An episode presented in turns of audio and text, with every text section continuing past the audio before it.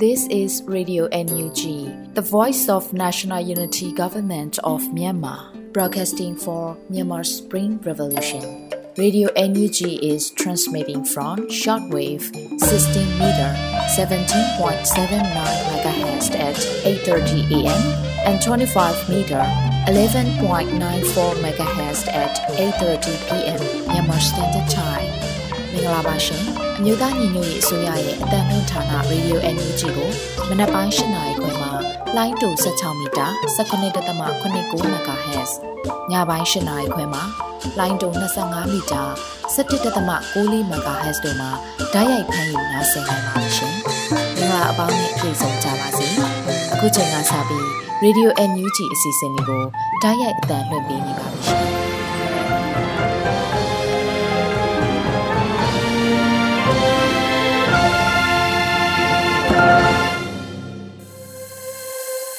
Radio NUG သောတာရှင်ပေါင်းနဲ့မြန်မာနိုင်ငံသူနိုင်ငံသားအပေါင်းတဘာဝပြီးဆရာနာရှင်ဘီတို့ကနေကင်းဝေးပြီးကိုစိတ်နှပြကျမ်းမာချမ်းသာလို့ဘေးကင်းလုံခြုံကြပါစေလို့ Radio NUG ဝိုင်းတော်သားတွေကဆုတောင်းမေတ္တာပို့သပေးလိုက်ရပါတယ်ရှင်။ဒီကနေ့2024ခုနှစ်ဇန်နဝါရီလ10ရက်နေ့ Radio NUG ညပိုင်းအစီအစဉ်လေးကိုစတင်ထုတ်လွှင့်ပေးပါတော့မယ်။ပထမဦးဆုံးအနေနဲ့ Radio NUG စီးရီးသတင်းကောင်းနှုတ်ချက်ကိုလွတ်လပ်နေဦးကဖတ်ကြားပေးသွားမှာဖြစ်ပါတယ်ရှင်။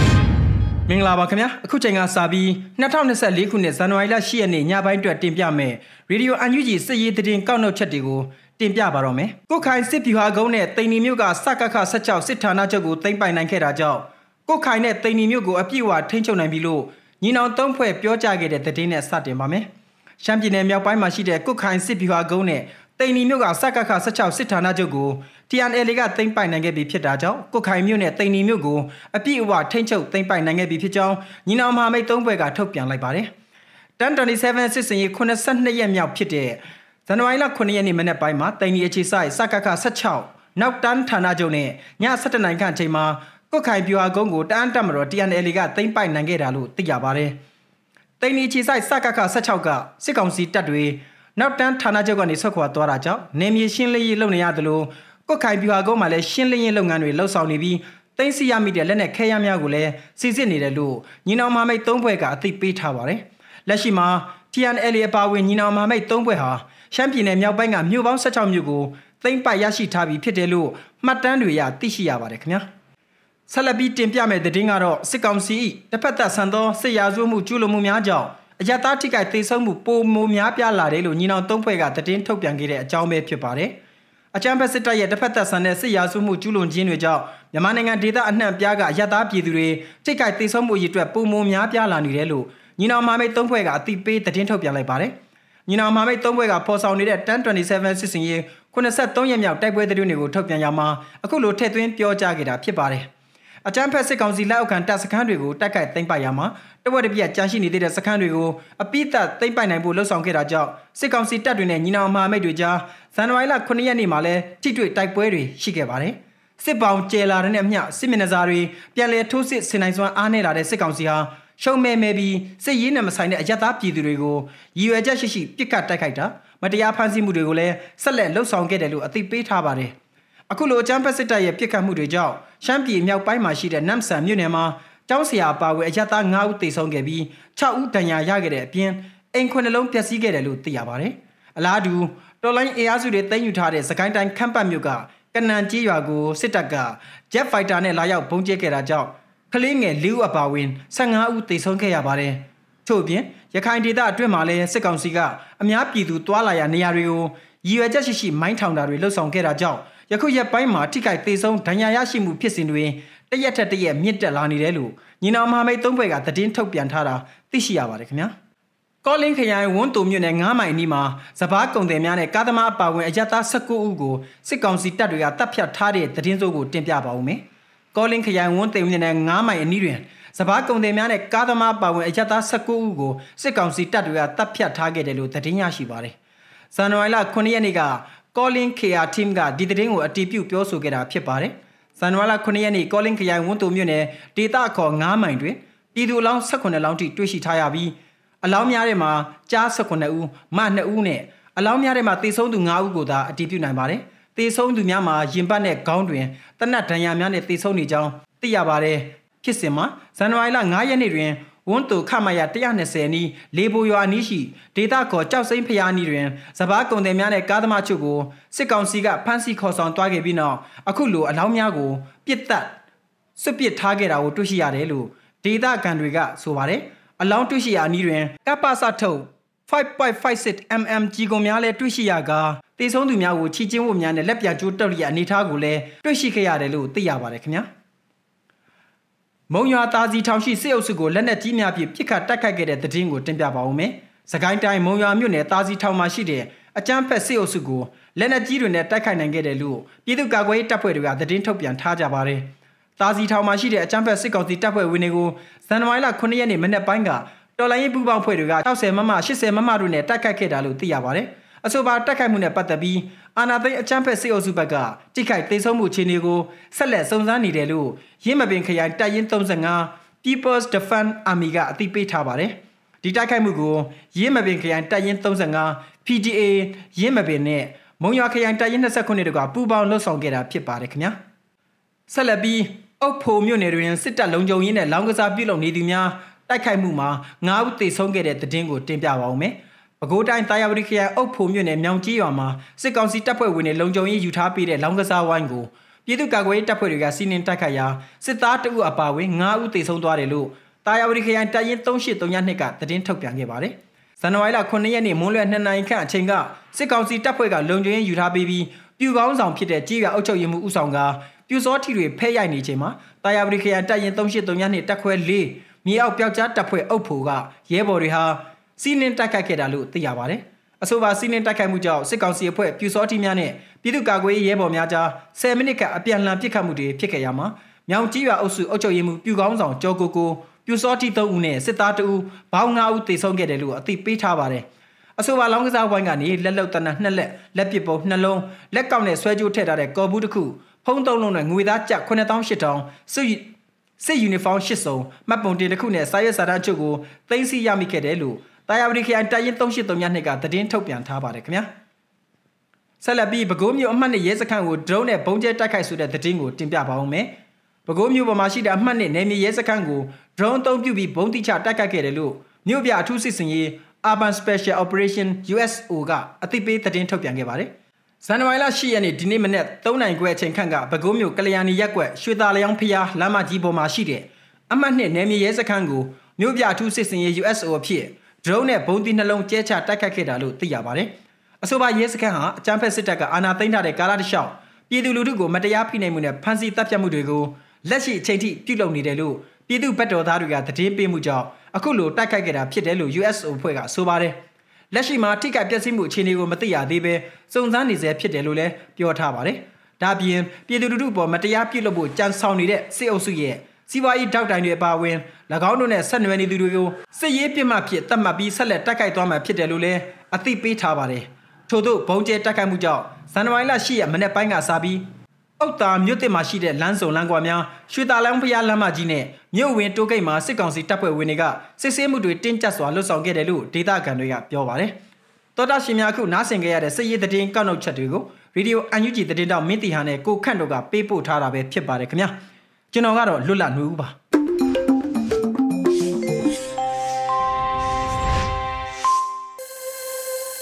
ရေဒီယိုအန်ယူဂျီမှာဆက်လက်တမ်းလွှင့်နေပါတယ်ရှင်။အခုဆက်လက်ပြီးပြည်တွင်းသတင်းတွေကိုတော့ရန်နိုင်ကဖတ်ကြားတင်ပြပေးသွားမှာဖြစ်ပါတယ်ရှင်။ရေဒီယိုအန်ယူဂျီသောတာရှင်များမင်္ဂလာပါခင်ဗျာ။ခုချိန်အားစပြီး2024ခုနှစ်ဇန်နဝါရီလ10ရက်နေ့ညပိုင်းပြည်တွင်းသတင်းများကိုကျွန်တော်ရန်နိုင်ကတင်ဆက်ပေးပါတော့မယ်။ပထမဆုံးသတင်းအနေနဲ့ຫນွေဦးတော်လှန်ရေးမှာဗန္နာရေးနဲ့ဗန္နာရမုံငွေရှာဖွေမှုကအမတန်းမှရေးပါပြီးထောက်ဖို့များရဲ့ရေရှည်ဇွဲတတိကြောင့် တော်လှန်ရေးအသီးပွင့်တွေကိုမြင်နေရခြင်းဖြစ်တယ်လို့ပြည်ထောင်စုဝန်ကြီးဒေါ်စင်မအောင်ပြောကြားတဲ့သတင်းကိုတင်ဆက်ပေးကြပါမယ်။ຫນွေဦးတော်လှန်ရေးမှာဗန္နာရေးနဲ့ဗန္နာရမုံငွေရှာဖွေမှုကအမတန်းမှရေးပါပြီးထောက်ဖို့များရဲ့ရေရှည်ဇွဲတတိကြောင့်တော်လှန်ရေးအသီးပွင့်တွေကိုမြင်နေရခြင်းဖြစ်တယ်လို့ပြည်ထောင်စုဝန်ကြီးဒေါ်စင်မအောင်ကပြောကြားပါတယ်။ဇန်နဝါရီလ9ရက်ဘူပြောင်းမြို့ကိုရီးယားမှာကျင်းပတဲ့မန်ပါများတွဲဆုံပွဲခမ်းနားမှာနိုင်ငံခြားရေးဝန်ကြီးဌာနပြည်ထောင်စုဝန်ကြီးဒေါ်စင်မအောင်ကပြောကြားခဲ့တာပါ အခုဆိုတော်လိုင်းရေးက၃နှစ်ထဲဝင်လာပြီးအဲ့လိုချိန်တွေမှာမြေပြင်မှာတိုက်ပွဲတွေဖော်ဆောင်နိုင်ဖို့လူသားချင်းစာနာထောက်ထားတဲ့အကူအညီတွေမှာလိုအပ်ချက်တွေဖြည့်ဆည်းပေးနိုင်ဖို့ဒါ့အပြင်မဟာမိတ်ဖွဲ့တွေမျှဝေသုံးနိုင်မှုအပါအဝင်ဒီဘဏ္ဍာရေးနဲ့ဘဏ္ဍာရန်မုံငွေရှာဖွေမှုကအမတန်မှအရေးပါပါတယ်။အခုနောက်ဆုံးဖြစ်ပေါ်မှုအထိရေရှည်ခံတဲ့ဇွဲတက်တိရှိတဲ့ One Day Challenges member ဝင်တွေမရှိဘူးဆိုရင်ဒီတော်လဲအသီးပွင့်တွေကကျမတို့မြင်ချင်းမှမြင်ရမှာပါ။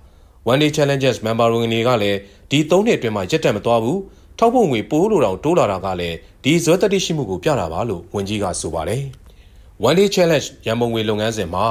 NUG တို့တိုက်ရိုက်ပေးပို့ငွေအမေရိကန်ဒေါ်လာ2.2သန်းရှိပြီဖြစ်ပြီး PDF, CDM, IDB များသို့ထောက်ပံ့ငွေပေါင်း1သိန်းပေါင်း3300ခန့်ရှိတယ်လို့သိရှိရပါတယ်ခင်ဗျာအခုဆက်လက်ပြီး 2023အတွင်းမှာစကားဆရဲ့လူခွင့်ရေးချိုးဖောက်မှုအများဆုံးခံရတဲ့ပြည်내နဲ့တိုင်းထဲမှာစကိုင်းတိုင်းဟာအများဆုံးဖြစ်တယ်ဆိုတဲ့သတင်းကိုတင်ဆက်ပေးပါမယ်2023ခုနှစ်အတွင်းမှာစကားဆရဲ့လူခွင့်ရေးချိုးဖောက်မှုအများဆုံးခံရတဲ့ပြည်내နဲ့တိုင်းထဲမှာစကိုင်းတိုင်းဟာအများဆုံးဖြစ်တယ်လို့လူခွင့်ရေးဝန်ကြီးဦးအောင်မျိုးမင်းကပြောကြားပါတယ်။ဇန်နဝါရီလအတွင်းတွဲဆုံမင်းမြန်ခန့်တစ်ခုမှာ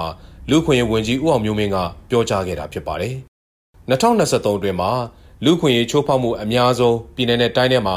စကိုင်းတိုင်းကိုစိတ်မကောင်းစရာညွှန်ပြရမှာဖြစ်ပါတယ်။စကိုင်းတိုင်းထဲမှာလူခွင့်ရေးချိုးဖောက်တယ်လို့ကျွန်တော်တို့စီကိုရောက်လာတဲ့အမှုက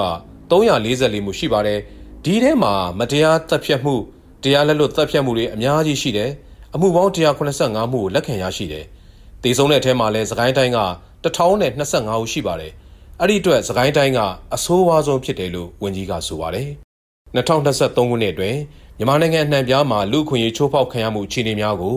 လူခွင့်ရေးဆိုင်ရာဝန်ကြီးဌာနကစုဆောင်းကောက်ယူခဲ့ပါတယ်။အဲ့ဒီလိုကောက်ယူရမှာလူခွင့်ရေးချိုးဖောက်ခံရမှုဖြစ်စဉ်များနဲ့ပတ်သက်ပြီးခိုင်မာတဲ့သတင်းမီဒီယာများကိုစောင့်ကြည့်လေ့လာမှု online monitoring တို့ကတဆင့်လူခွင့်ရေးချိုးဖောက်မှုဖြစ်ရပေါင်း4656ခုတို့ကိုကောက်ယူရရှိခဲ့ပြီးမြေပြင်အခြေအနေနဲ့စမ်းစစ်အတည်ပြုနိုင်တဲ့လူခွင့်ရေးချိုးဖောက်မှုဖြစ်စဉ်စုစုပေါင်း 658ခုကိုမှတ်တမ်းတင်သိမ်းဆည်းထားနိုင်ခဲ့တယ်လို့ဖော်ပြပါတယ်ခင်ဗျာအခုတခါအမျိုးသားညီညွတ်ရေးဆိုရာပညာရေးဝန်ကြီးဌာနသူတေသနာနဲ့ဖွံ့ဖြိုးရေးဌာနကကြီးမှုကျင်းပမဲ့ Spring Success Research Conference အတွက်သူတေသနာစာတမ်းများတင်သွင်းရန်ဖိတ်ခေါ်တဲ့ဆိုတဲ့သတင်းကိုလည်းတင်ဆက်ပေးကြပါမယ်။အမျိုးသားညီညွတ်ရေးဆိုရာပညာရေးဝန်ကြီးဌာနသူတေသနာနဲ့ဖွံ့ဖြိုးရေးဌာနကကြီးမှုကျင်းပမဲ့ Spring Success Research Conference အတွက် သူတေသနာစာတမ်းများတင်သွင်းရန်ဖိတ်ခေါ်လိုက်ပါတယ်။မျိုးသားညီညွတ်ရေးဆိုရာပညာရေးဝန်ကြီးဌာနမှစီဒီအန်ဆရာဆရာမများဝန်ထမ်းများအတွက်အကျိုးကျေးဇူးများရရှိစေဖို့ရည်ရွယ်ပြီးသူတေသနာနဲ့ဖွံ့ဖြိုးရေးဌာနကကြီးမှုပြီး Spring Success Research Conference ကိုမေလ25ရက်မှ29ရက်ထိကျင်းပမယ်လို့ဆိုပါတယ်သူတေသနာစာတမ်းများတင်သွင်းရန်ဖိတ်ခေါ်ရခြင်းရည်ရွယ်ချက်မှာအမျိုးသားညီညွတ်ရေးဆိုရာပညာရေးဝန်ကြီးဌာနမှစီဒီအန်ပညာရေးဝန်ထမ်းများရဲ့သူတေသနာအရေးသွေးကိုမြင့်တင်ပေးရန်နဲ့ ဖက်ဒရယ်ပြည်ထောင်စုတည်ထောင်ရာမှာကွန်ဖရင့်ကရရှိလာတဲ့သူတေသနာရလဒ်များကအထောက်အကူပြုစေရန်ဖက်ဒရယ်ပညာရေးစနစ်အတွက်လိုအပ်ချက်တွေကိုသူတေသနာရလဒ်များမှဖော်ထုတ်ဖြည့်ဆည်းပေးနိုင်ရန်တို့ပါဝင်ပါတယ်။သူတေသနာစာတမ်းအကျဉ်းကို2024ခုနှစ်ဖေဖော်ဝါရီလ28ရက်နေ့နောက်ဆုံးထားပြီးသတ်မှတ်မေးနဲ့ Google Form ကိုဖြည့်ဆွတ်ပေးပို့နိုင်တယ်လို့သိရပါတယ်ခင်ဗျာဆက်လက်ပြီး နွေဦးတော်လည်းရေးဟာအနိုင်ရှုံးကွက်ကွက်ကွင်းကွင်းမြင်နိုင်တဲ့အခြေအနေရောက်နေပြီလို့ဆိုတဲ့သတင်းကိုတင်ဆက်ပေးကြပါမယ်။နွေဦးမှန်ကူကွက်များအစီအစဉ်အပိုင်း30မိမြန်ကမှာမြို့သားညညရေးအစိုးရဝန်ကြီးချုပ်ရုံးပြောရေးဆိုခွင့်ရှိသူဦးနေဖုံးလက်ကအခုလိုပြောကြားထားပါတယ်။ဒီတော်လည်းရေးမှာဘယ်သူကနိုင်မယ်ဘယ်သူကရှုံးမယ်ဆိုတာအခုချိန်မှာကွက်ကွက်ကွင်းကွင်းမြင်နိုင်တဲ့အခြေအနေလို့သုံးသပ်ခြင်းနဲ့တော်လည်းရေးကတဆင့်တက်လာတယ်မျိုးပြကိုဝိုင်းရံတဲ့အဆင့်ကနေသိမ့်ပိုက်ထိန်းချုပ်လာနိုင်တယ်။တစ်ဖက်မှာလည်းမြို့တွေတစ်မျိုးပြီးတစ်မျိုးသိမ့်ပိုက်လာချိန်မှာ ပြည်သူတွေညှင်းပန်းနှိပ်စက်တပ်ဖြတ်ခံရတယ်။လွယ်လွယ်နဲ့တော့မြို့တွေသိမ့်ပိုက်နိုင်ခဲ့တာမဟုတ်ဘူးပေါ့လို့ဆိုပါတယ်။လက်ရှိမှာစကားဆတက်တွေဟာရှမ်းပြည်နယ်မြောက်ပိုင်းကရင်နီဒေသစကိုင်းတိုင်းမကွေးတိုင်းနဲ့ကရင်ပြည်နယ်တို့မှာအထိနာကြာရှုံးလျက်ရှိနေပါတယ်ခင်ဗျာ။အခုနောက်ဆုံး American ပြည်ထောင်စု San Fran Bay Area မှာကျင်းပတဲ့ຫນွေဦးလက်ဖက်ရည်ဝိုင်းဇန်နဝါရီလအတွက် American Dollar 14800ကျော်ရရှိခဲ့တဲ့ဆိုတဲ့သတင်းကိုလည်းတင်ဆက်ပေးပါောင်းမယ်။ ။ American ပြည်ထောင်စု San Fran Bay Area မှာကျင်းပတဲ့နွေဦးလက်ဖက်ရည်ဝိုင်းမှာဇန်နဝါရီလအတွက် American ဒေါ်လာ14,800ကျော်ရရှိခဲ့တယ်လို့ဇန်နဝါရီလ10ရက်မှာနွေဦးလက်ဖက်ရည်ဝိုင်းမိသားစုထံကနေသတင်းရရှိပါတယ်။နွေဦးလက်ဖက်ရည်ဝိုင်းမှာ2024ဇန်နဝါရီလအတွက်ဈေးရောင်းရငွေနဲ့အလူခံရငွေစုစုပေါင်း14,834ဒေါ်လာရရှိတယ်လို့ဆိုပါတယ်။နွေဦးလက်ဖက်ရည်ဝိုင်းမိသားစုဟာနွေဦးဒေါ်လာရန်ပုံငွေအတွက်လစဉ်အစားတော်များချက်ပြုတ်ကာရောင်းချပေးခြင်းဖြင့် ထောက်ကူပေးလျက်ရှိတဲ့အဖွဲ့လည်းဖြစ်ပါတယ်ခင်ဗျာအခုတင်ပြခဲ့တဲ့သတင်းတွေကိုရေဒီယို NUG သတင်းတောက်မင်းတီဟန်နဲ့ကိုခန့်တို့ကပေးပို့ထားတာဖြစ်ပါတယ်ခင်ဗျာ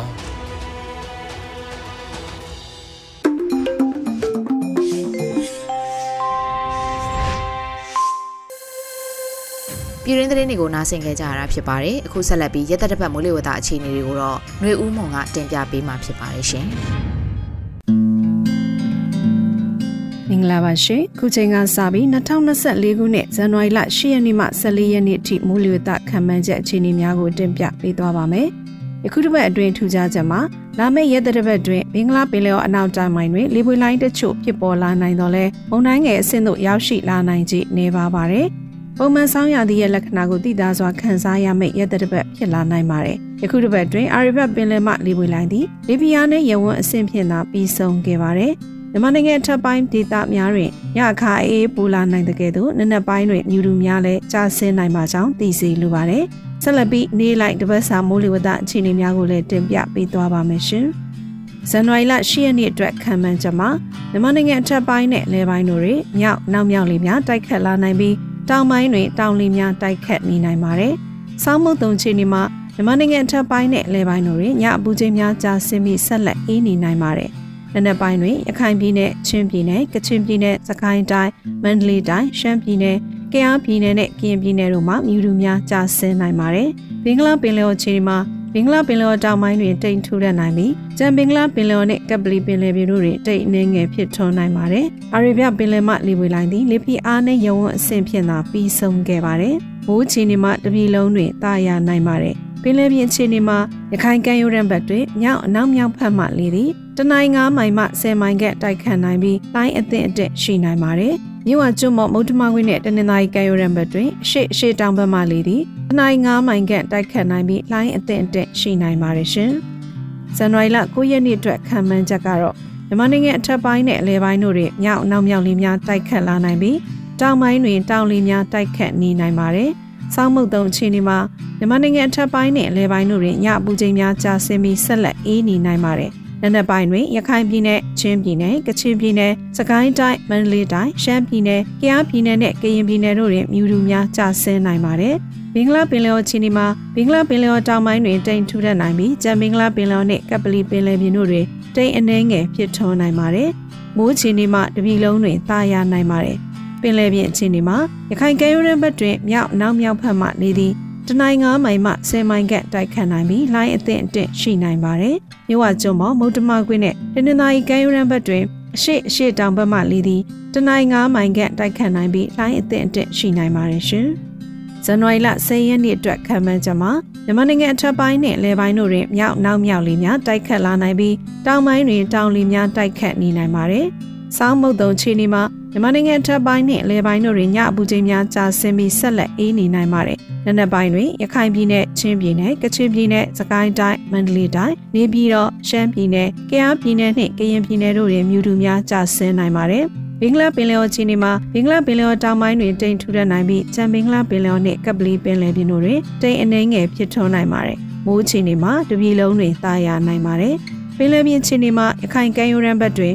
မြောက်နောက်မြောက်ဘက်မှလေသည်တနိုင်း9မိုင်မှ10မိုင်ခန့်တိုက်ခတ်နိုင်ပြီးလိုင်းအသင့်အတင့်ရှိနိုင်ပါတယ်။မြဝကျွန်းမောမုတ်တမကွင်းနဲ့တနင်္သာရီကမ်းရိုးတန်းဘက်တွင်အရှိဘက်မှလေသည်တနိုင်း9မိုင်ခန့်တိုက်ခတ်နိုင်ပြီးလိုင်းအသင့်အတင့်ရှိနိုင်ပါတယ်ရှင်။ဇန်နဝါရီလ17ရက်နေ့အတွက်ခံမှန်းချက်မှာမြန်မာနိုင်ငံအထက်ပိုင်းနဲ့အလဲပိုင်းတို့တွင်မြောက်နောက်မြောက်လေးများတိုက်ခတ်လာနိုင်ပြီးတောင်ပိုင်းတွင်တောင်လေးများတိုက်ခတ်နေနိုင်ပါတယ်။ စောင်းမုတ်တုံချီနီမှာမြန်မာနိုင်ငံအထက်ပိုင်းနဲ့အလဲပိုင်းတို့တွင်ညအပူချိန်များကြာဆင်းပြီးဆက်လက်အေးနေနိုင်ပါတယ်။နံနက်ပိုင်းတွင်ရခိုင်ပြည်နယ်၊ချင်းပြည်နယ်၊ကချင်ပြည်နယ်၊စကိုင်းတိုင်း၊မန္တလေးတိုင်း၊မကွေးတိုင်း၊နေပြည်တော်၊ရှမ်းပြည်နယ်၊ကယားပြည်နယ်နှင့်ကရင်ပြည်နယ်တို့တွင်မြူတူများကြာဆင်းနိုင်ပါတယ်။ဘင်္ဂလားပင်လယ်အော်ချီနီမှာဘင်္ဂလားပင်လယ်အော်တောင်ပိုင်းတွင်တိမ်ထူထပ်နိုင်ပြီးကြံဘင်္ဂလားပင်လယ်အော်နှင့်ကပလီပင်လယ်ပြင်တို့တွင်တိမ်အနှဲငယ်ဖြစ်ထွန်းနိုင်ပါတယ်။မိုးချီနီမှာတပြည်လုံးတွင်တာယာနိုင်ပါတယ်။ ပင်လယ်ပြင်အခြေအနေမှာရခိုင်ကဲရင်းဘက်တွင်မြောက်နောက်မြောက်ဘက်မှလေသည်တနိုင်9မိုင်မှ10မိုင်ခန့်တိုက်ခတ်နိုင်ပြီးလှိုင်းအသင့်အတင့်ရှိနိုင်ပါတယ်။မြို့ဝကျွန်းပေါ်မုတ်တမကွင်းနဲ့တနင်္သာရီကဲရင်းဘက်တွင်ရှေ့ဘက်မှလေသည်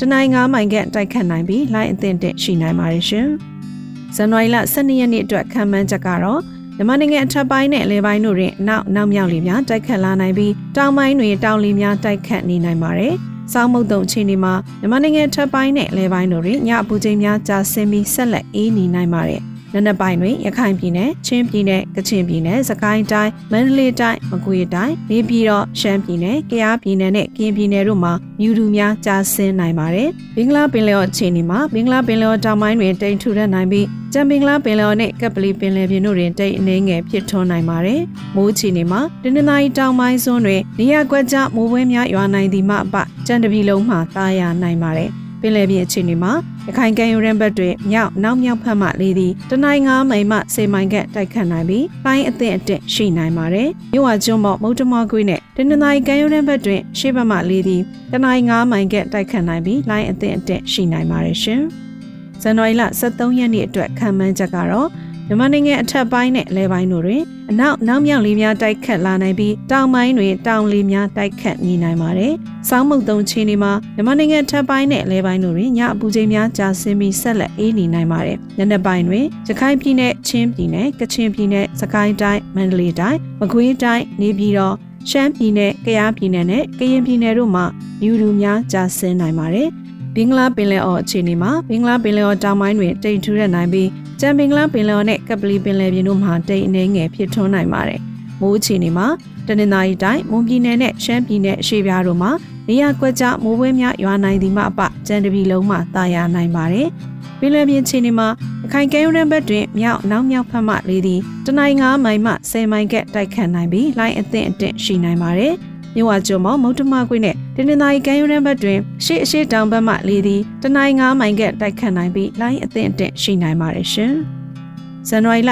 14ရက်နေ့အတွက်ခံမှန်းချက်မှာမြန်မာနိုင်ငံအထက်ပိုင်းနဲ့လေပိုင်းတို့တွင်အနောက်နောက်မြောက်လေများတိုက်ခတ်လာနိုင်ပြီးတောင်ပိုင်းတွင်တောင်လေများတိုက်ခတ်နေနိုင်ပါတယ်။စောင်းမုတ်တုံအခြေအနေမှာမြန်မာနိုင်ငံအထက်ပိုင်းနဲ့လေပိုင်းတို့တွင်ညပူချိန်များကြာဆင်းပြီးဆက်လက်အေးနေနိုင်ပါတယ်။ နနက်ပိုင်းတွင်ရခိုင်ပြည်နယ်ချင်းပြည်နယ်ကချင်ပြည်နယ်စကိုင်းတိုင်းမန္တလေးတိုင်းမကွေးတိုင်းနေပြည်တော်ရှမ်းပြည်နယ်ပဲခူးတိုင်းကယားပြည်နယ်နဲ့ကရင်ပြည်နယ်တို့တွင်မြူတူများကျဆင်းနိုင်ပါတယ်ဘင်္ဂလားပင်လယ်အော်ချင်းတွေမှာဘင်္ဂလားပင်လယ်အော်တောင်ပိုင်းတွင်တိမ်ထူထပ်နိုင်ပြီးကြံဘင်္ဂလားပင်လယ်အော်နဲ့ကပ်ပလီပင်လယ်ပြင်တို့တွင်တိမ်အနှဲငယ်ဖြစ်ထွန်းနိုင်ပါတယ်။မိုးချီနေမှာတနင်္သာရီတိုင်းမွန်ပြည်နယ်နဲ့ရှမ်းပြည်နယ်အရှေ့ပြားတို့တွင်နေရာကွက်ကြားမိုးပွဲများရွာနိုင်သည်မှအပကြံတပီလုံးမှတာယာနိုင်ပါတယ်။ ပင်လယ်ပြင်ခြေနေမှာရခိုင်ကဲရိုးတန်းဘက်တွင်မြောက်နောက်မြောက်ဖက်မှလေးသည်တနိုင်9မိုင်မှ10မိုင်ခန့်တိုက်ခတ်နိုင်ပြီးလှိုင်းအသင့်အင့်ရှိနိုင်ပါတယ်။မြို့ဝကျွန်းမောမုတ်တမခွေနဲ့တနင်္သာရီကဲရိုးတန်းဘက်တွင်ရှေ့အရှေ့တောင်ဘက်မှလေးသည်တနိုင်9မိုင်ခန့်တိုက်ခတ်နိုင်ပြီးလှိုင်းအသင့်အင့်ရှိနိုင်ပါတယ်ရှင်။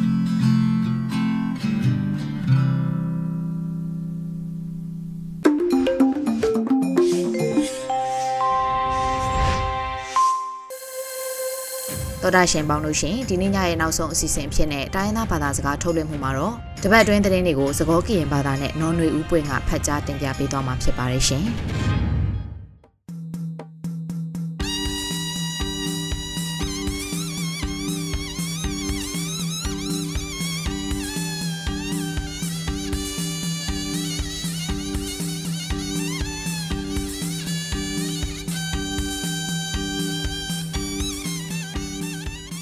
ဟာလေဝေကိုရီနောကတဲ့ပစဝိဆဝတူတော့ကွဲမှုပါတိလေအညွန်ကြီးကွဲလီလိုထရတာကလေတဘလညိုင်းနီလောအခဲဤတော်တမီအတော်ပူတာကစောတဖန်နေရာနော်နွေဥပွင့်ဤကပါဖလာနေတင်းနေလောတာကစောခတိတိမြဝဲနာဘာခါကောစီတီကောထူထော်ဝဲတနုနေတလိုလတကိုဝဲအရေထီကောကိုတိုတော်စင်မောတဲဝဲတာငနေလောဖဲခရီတိုခီစီလူနီလာယီနိုအရီအတော်ပူ ဒါတိကွာတခါပူနေအန်ယူဂျီထူကိုကိုတိုတိုစင်မောတဲဝဒါဒီနီလောကောစီတီကိုဘာထွဲတနိုဤတထုထော်ဝဲတာခုအန်ယူဂျီနေကပူထော်ဝဲတော့ကောစီအလေတဘယိုတကူဤအတုတိုဝအဒုတဲဝဒါနီလောဗမ်နုခိုလည်းနေအခုတော့ဘေထီရီကောရီစီတန်နေခဲလတမအော်ဒီကတိုခိုနီလောပဝဲထူကိုကိုတိုဝဲကလိုဤ ဘာခာပတ်ဖာဟတဲတာဤအဖို့ကိုဒီတိုတဘယိုတူအဝတဲဝဒနီလောခေကထောခိစီလူနီလိုင်နိုအရတတော်နီနေအန်ယူဂျီပဒိုကောစီတီကောဘာထွဲတာဘာတာအဘောတစီတထူထောဝဲတာဝီဖဲကလာတဘောလအမီတီကောခီဘေကမလတဖာပနီအပလုတာဥထပတော်ထောတူပါဝဲတာဝီကော်ပီယတီကောပူကောစီတီကောပနီအတော တတူလမအထော်တော့ရူဖိုတကူဖိကူမာအဂါတဖာတဘီတဘဤကဒတဒဝဲအဂေပါဝဲတာအဂေနေပတုနေပါတဆောနီလောဒါဆောခီတူမီဝဲတာဒါလျောတတမှုတမလို့ဤကညောကောဆေပူပမပမလဘခမွေဟဖလတဒုတဖာဝပါတာအိုထနီဝဲအဂေကောဆပကိုတိုနွန်ဆူဆန်နာလာဆိုဟီတင်ညာဝဲတာရင်းနီလောဒါလျောတတမှုတမလို့ဤကညောကောဆေပူပမပမလ ဘာခမွေဟာဖလလတဒုတရတဖာအောဘာတာအိုထနီဝဲအရေကောဆပိုကိုတိုနိုဆူဇန်နာလာလာဆုနေဖဲလိုက်နူအာရီမီတော်နေဟီတင်ညာဝဲတာလို့ဆိုရှယ်မီဒီယာနေလောကိုတိုဝဲကလိုနေလတ်တာပစပူပုံမပုံမတာဆန်တော့ဖိုဒီဖိုတတိတဖာလဲနော်ခုနော်တာတဘဒိုဘာတီတိတဖာဤဒီတိုကမဆဝဲကမဘလာကင်းနေဝဲအောကူကလဆဝဲတာဝီကပဖိုမတကိုတာတော့တာဂရဂရတဖာဝီတော့ ခိကတိုခိစီလွီနီအတော့ပူကမဆူထဝဲတာအတဟောအေပါဖလာဝဲတိုပဒွန်နေမှာတဆောနီလောတကဆောဆုမညာတီမျိုးလာခိကတိုခိစီတနီတော့ပူဖကညောခွေရကိုတိုဝဲကလိုနေတလူတိခပတာဖကညောခွေရဘာထွဲတောက်တာတဖတ်ဤဖကညောခွေရကိုတိုပါဖလာဝဲတာရင်းနီလောခေကထိုခိစီတနီတော့ပူဖကညောခွေရကိုတိုဝဲကလိုနေတလူတိခပတာဖကညောခွေရဘာထွဲတောက်တာတဖတ်ဤ ဖကညောအခွဲရကိုတိုဦးအောင်မျိုးမင်းနေဖဲလာယနုအာရီမီတောနီဟေတိညာဝနနေလောတာလောတနော်လပစုတတူအိုဝဲဒေါ်ပါကမလတဖအတတမှုတဖဘာထွဲလို့တာစေကောနေလောဒေါ်ဘာထွဲတာထွဲစရောအေလာအွန်လိုင်းတဆောတာထွဲဝဲစရောတော့အိုဝဲတာ လူကထိုခုရရစီခုခဒလဟခိုလာတခေါနေတာထရစရောအိုဝဲတာခုရရစီနွေခနေလောတော့ဖဲကလာတာဂီတကလိုလအလပွဲလော်တီလောဆက်တာပါဂောနေအိုဝဲတာတရရခိစီခိခဒေါ်ဆူ iimm.tu ကောအိုတကရခုစီရခပါတာရှနေဝဲအကေပတုနေပါတာစောနေလောတာစောလခိတတိမီဝဲတာတပဖို့စေဝီအဘဘုတဖာကတုနေဝဲအော ကိုမူနီစေဘာဘုတဖာနေမေဦးတာဟုထောပတော်ထောစစ်တဟိတညာပဖလာဝဲတာရင်းနီနော်တာပဖို့စေဝီအဘဘလူတဖာကတုနေဝဲကိုကိုမူနီစေဘာဘုတဖာနေမေဦးတာဟုထောပတော်ထောစစ်တဟိတညာပဖလာဝဲအရေဖဲလိုက်နွာရီကုတော်နီနေပဖလာဝဲတာနေနော်လေနီတော့ ဘာခါကလုစေဖော့တကတူခေါ်ဝဲကိုဘွာလကပဖို့စေတဖာဖဲနွေဦးစေတနေဟက်ပါဖို့ဝဲဝီအဘဘလူတဖာဒိုနေဝဲရေကွန်မြူနီစေဘဘလူတဖာအီဘာတာပါဖလာဝဲတာနေလောပမေကပဖို့စေတနေဒီဘာထွဲကလုစေအတိုအရှာကတဒေါ်လာတကရာဒီတိုဝဲကလုစေအီပစထောပါဖို့တေဝဲဝီဝေဦးစေတ အကောင့် fixed deposit tab တဆောပဲအတိုပဖုကလိုစီတော့ဆကတော့ဤပခုထောဝီပစီလောဝဲ invest now တော့ပစထောပဖို့အသေးလီနီလောအဘဘလူတဖာနေတပဖို့ဆကတော့ဘွဲထောဝီလဲလူစီခေါနာရီပခိုအောမီဝီတော့ပပဖို့ခအောမေရီတာအဘလူမေရီဖဲစစ်တဆရောပူပထုထောကေအောနီနီလောစစ်တနေကော်ပီယတိကောကလုစီတနိုအလပွဲကတဲ့ နော်ရီတာဒီဂျစ်တာစီတဝီလဲဆကတော့ခင်းနီအတော့ဘူးဘွာလဲအတူဝဲဘွာအကခိကကွယ်အောဘာထွဲတီရီကောကေရိုဖိုဘာထွဲတာအဘလူတာကူဖိကူမာအောတာတူကလက်တဖာကမနေဝဲအောအမေရိကဒေါ်လာအကကွယ်ရကရဒီတိုလိုတာကလုစီရီကလုတဖာကပရှတုကလနေဝဲအောတူပါဝဲအတုပတိုနီဘာတာကစောနေလော တာကစောလေးပါဖလာနေတိတဖိုင်နေဝိဒါဖေးနေလောကမလလဒုကနာဘတာကိုဒီနာကတဲ့ဘောတိပါမွန်ထဘုန်နေတကေ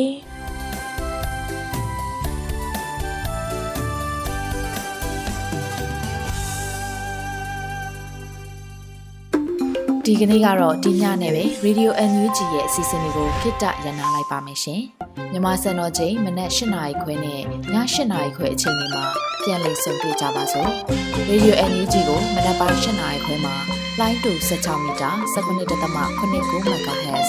ညပိုင်း၈နာရီခွဲမှာလိုင်းတူ25မီတာ17.6